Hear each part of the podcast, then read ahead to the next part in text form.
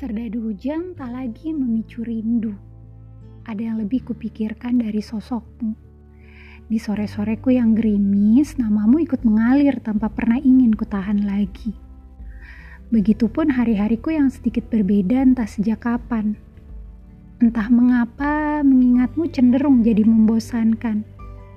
Aku lebih senang menyibukkan diri menatap gerombolan awan yang sibuk berganti pola mencoba tenggelam pada kehidupan setelah dunia. Ke mana rukuh nanti bertempat? Rumput yang bergoyang tiba-tiba memberi petuah. Jika kau baik, tentu surgalah tempatmu. Tapi bukannya menanggapi, aku justru terdiam. Kutatap langit sekali lagi dan ini lebih dalam. Masalahnya aku tak sebaik yang dikira orang.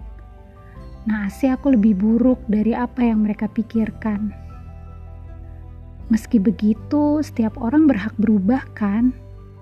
Kau yang mendengarkan, katakan padaku bahwa kita yang tak baik ini masih punya harapan di hadapannya.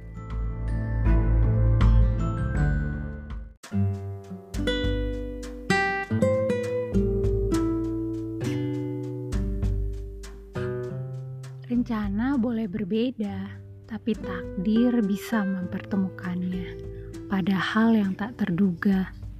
Hari itu kami yang asing kemudian saling bertegur sapa, berkabar walau tak beralasan. Eh, sungguh bukan sesuatu yang terbayangkan, tapi bukankah Allah selalu punya alasannya sendiri? Ketika kau bertemu, artinya memang ada rencananya di dalamnya. Terkadang kita butuh waktu untuk memahaminya.